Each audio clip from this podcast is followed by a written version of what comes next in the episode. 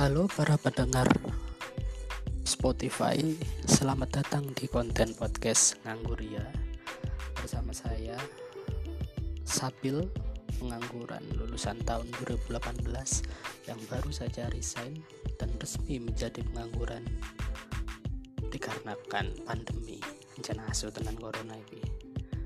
Di sini eh, kita baik saya sendiri atau aku bakal ngobrol karo wong-wong liya konco-koncoku bakal bahas tentang semua hal yang pengen kita bahas perihal pengangguran seperti dampak psikis peluang-peluang yang bisa didapatkan ketika corona dan sebagai pengangguran.